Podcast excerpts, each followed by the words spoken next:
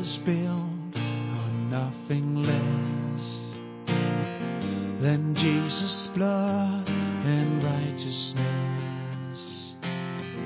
I dare not trust the sweetest frame,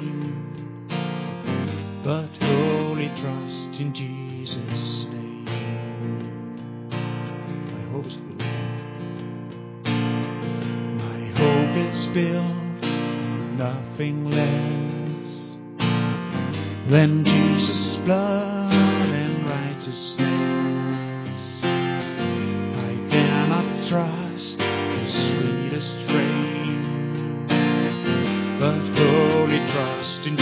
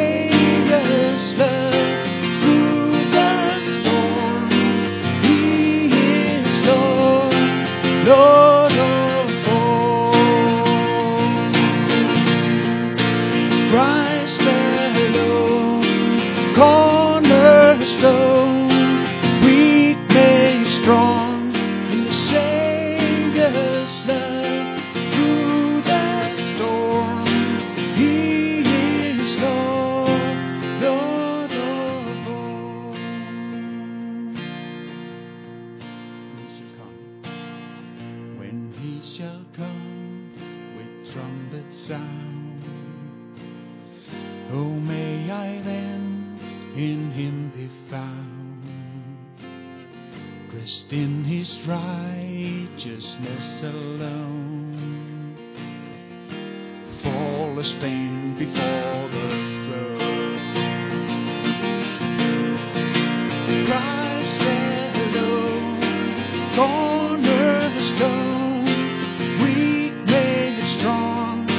shame.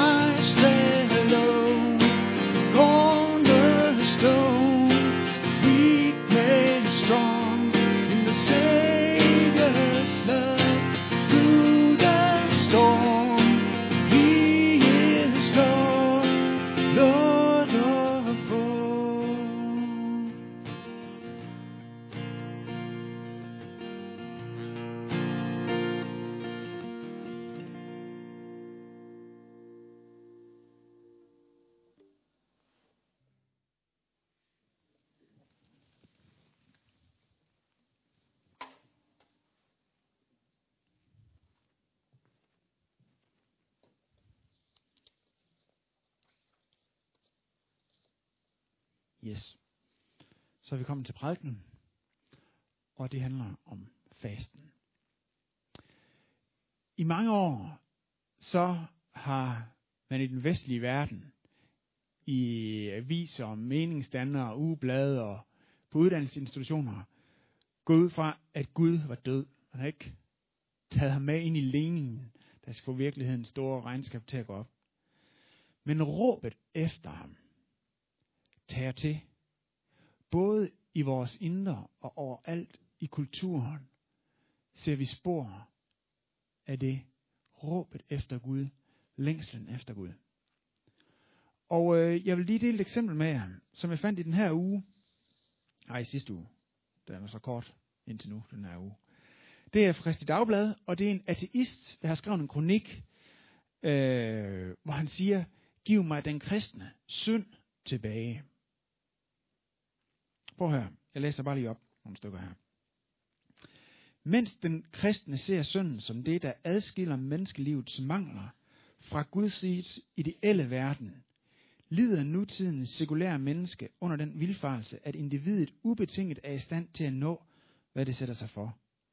Det er en tragedie, som gør især unge mennesker sårbare og ensomme, mener gymnasielærer og selv erklæret ateist. Og så siger han, det er i henhold til min erfaring den almindelige opfattelse blandt folk, der, som jeg, er ateister og sekulære humanister, at det er også en velsignelse at være fri for forestillingen om synd. Ikke? Sådan var det også, da jeg gik i, i skole. Det der med synd, det var, oh, det var det mørke, den mørke kristendom. Og så skriver han, jeg har i mange år delt den opfattelse, fordi jeg opfattede syndens autoritet som korrumperende for menneskets naturlige og retsmæssige udfoldelsesmuligheder. Det gør jeg ikke længere. Jeg misunder de kristne deres indgroede syndserkendelse.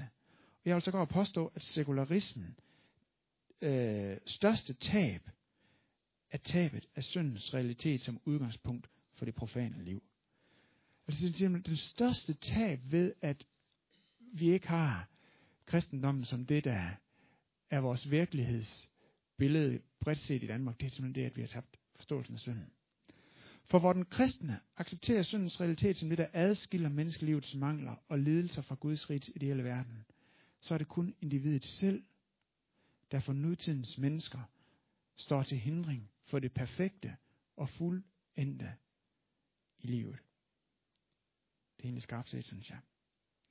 Det uperfekte betragtes som menneskelig fejl, eller som uopfyldt øh, parametre, og som noget enten lærer eller frem for alt eleverne selv må kunne tage ansvar for.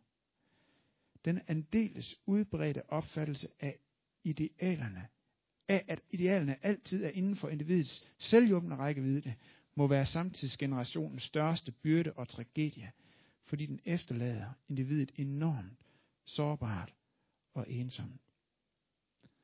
Og det han siger, den her ateist, det er, hvis ikke vi har i vores bevidsthed og i vores sprog udtryk for, hvad det er, der gør, at vores liv falder fra hinanden en gang imellem. At vores liv ikke lykkes. At der er ting, vi gerne ville gøre godt, men som vi ikke får gjort godt. Hvis ikke vi har sprog for det, så står der kun tilbage og konkludere, at det er simpelthen øh, fordi vi ikke har taget os sammen.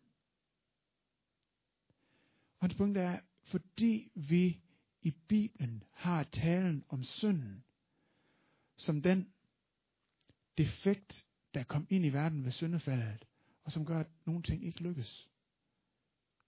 Så kan vi tale sandt om menneskelivet, uden at hele skylden og skammen havner hos, øh, hos os selv.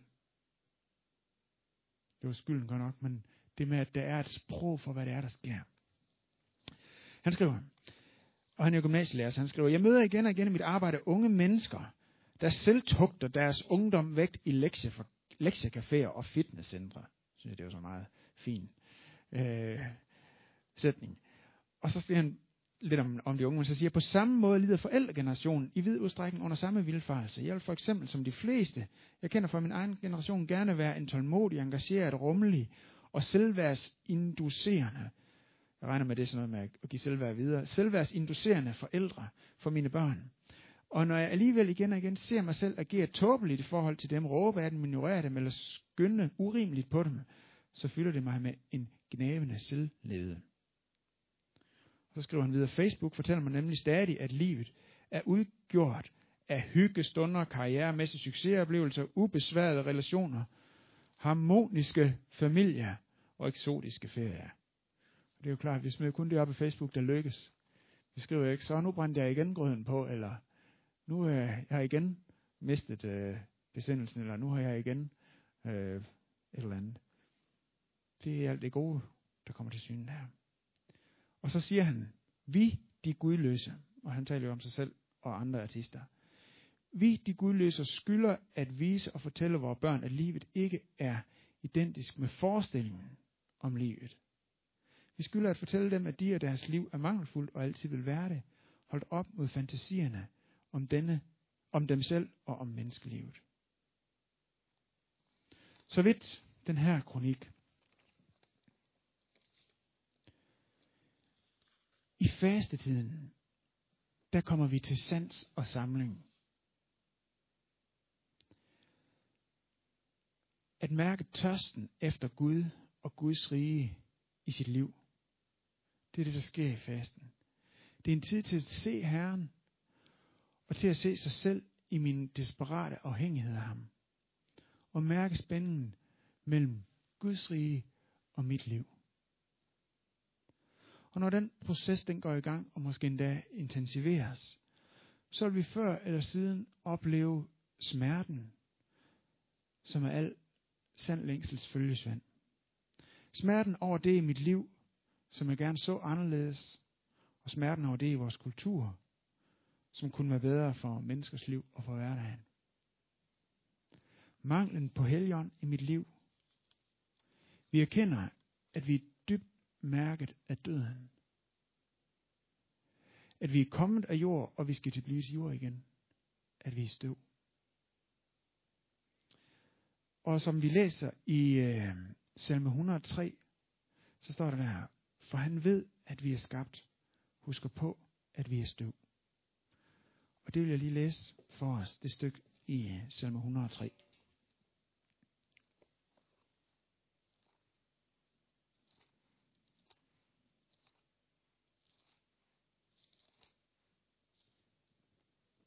Der står sådan her fra vers 13.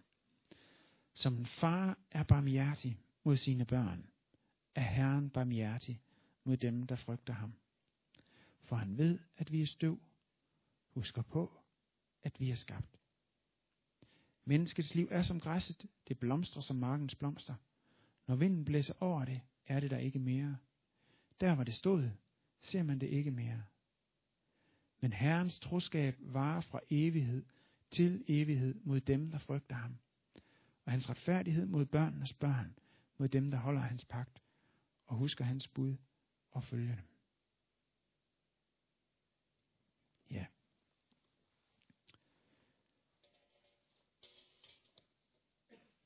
Så fasten er netop en tid til at gå ind i den smerte. Smerten over, at vi er støv. Ind i afmagten og ind til Gud med alt det, som vi bærer på hver især. Derfor holder vi faste tid ind til påsken. Vi forbereder os på at følge Jesus op til Jerusalem, så at sige, op til påsken. Og i påsken der levede Jesus sig ind i menneskets inderste smerte og mærkede tyngden af den ondskab, ikke som han havde i sig, men som er i verden, og som har sat sig i vores personlighed. Vi følger ham også ind i graven, hvor vi dør med ham, bliver til støv. Men ikke for at blive der, men for igen at oprejses med ham på påskemorgen. Uden for graven. Som siger, den der tror skal leve, om han end dør. Så fasten er altså ikke et mål i sig selv. Faster ikke bare for at faste. Men vi faster som forberedelse til noget, som er langt større, nemlig det at modtage påskens opstandelseskraft på ny. Fasten er en forberedelse til festen, som jeg sagde til at starte med. Og der kommer ham her til histen i artiklen netop til kort. Han siger, at vi har brug for at tale sandt om det, der er skidt. Og så kommer han ikke videre. Men der bliver vi ikke efterladt. Fordi fasten netop er en forberedelse til påsken. Og når vi bliver klar over og endnu mere opmærksom på det, at vi har behov for Gud i vores liv, så kan han komme til at gøre noget. Til rent faktisk at gøre noget ved det i vores liv, som vi ønsker, han skal røre ved, som vi ønsker, han skal hele. Den synd, som vi ønsker, der skal udryddes for vores liv. Og det kan han bedst på baggrund af vores erkendelse af vores behov for ham. Så hvor ateisten han kun kan sige, det er skidt, så kan vi som kristne sige, ja, men det kan blive godt. For vi kender en Gud, der har overvundet de ting, som vi i fasten ser i øjnene, og som vi lader smerte os i fasten. Der er håb. Så hvad betyder fasten i praksis? Jo, øh, først på gudstjenesten læste jeg en tekst fra Joel 2. Og det er det Joel han taler om i det stykke, det er bodsfasten. Fasten som en desperat hengivelse til Gud i erkendelsen af vores egen synd, vores egen kampe, vores tvivl, vores anger, på egne vegne, på vegne af Guds folk og på vegne af vores nation. Så er der kun 24 timer i døgnet. Og fastetiden kan være en god tid til at bruge mindre tid på alt muligt andet, og bruge mere tid på at være, bare være sammen med Gud. Og netop en tid med Gud, hvor vi kan komme til sans og samling. Komme til sans og samling med os selv og med Gud. Og øhm, i, i oldkirken, der var det mest sådan noget som mad, forskellige slags mad, man fastede fra, eller faste fra at sige noget, altså øjnene så, øh, nej, øh, mundens og mavens faste. Men i vores tid tror jeg, der er en, et endnu større behov for øjnenes og ørenes faste. Altså sluk for lyden, sluk for radioen, sluk for computeren eller fjernsynet eller de sociale medier. Så praksis, den praksis, der kan være i fasten, kan være forskellige ting. Det kan være at give afkald på stimulanser som kød og kaffe, alkohol, øh, sukker, tv, radio, sociale medier, dameblade. Det er ikke lige aktuelt for mig, men der kunne så være så mange andre ting. Og der er intet galt med alle de her ting i sig selv. Men alle stimulanser og gode ting, vi kan fylde vores liv med, kan tage fokus. Og hvis det tager fokus, så kan det også tage magten fra os. Og fastetiden er en tid til at genfinde det vigtigste i livet. Og lade noget af det vigtige ligge til fordel for det vigtigste. En anden praksis, som vi øh, har her i kirken i løbet af fasten, eller hver gudstjeneste her i fasten, er skriftemålet i starten af gudstjenesten om søndagen.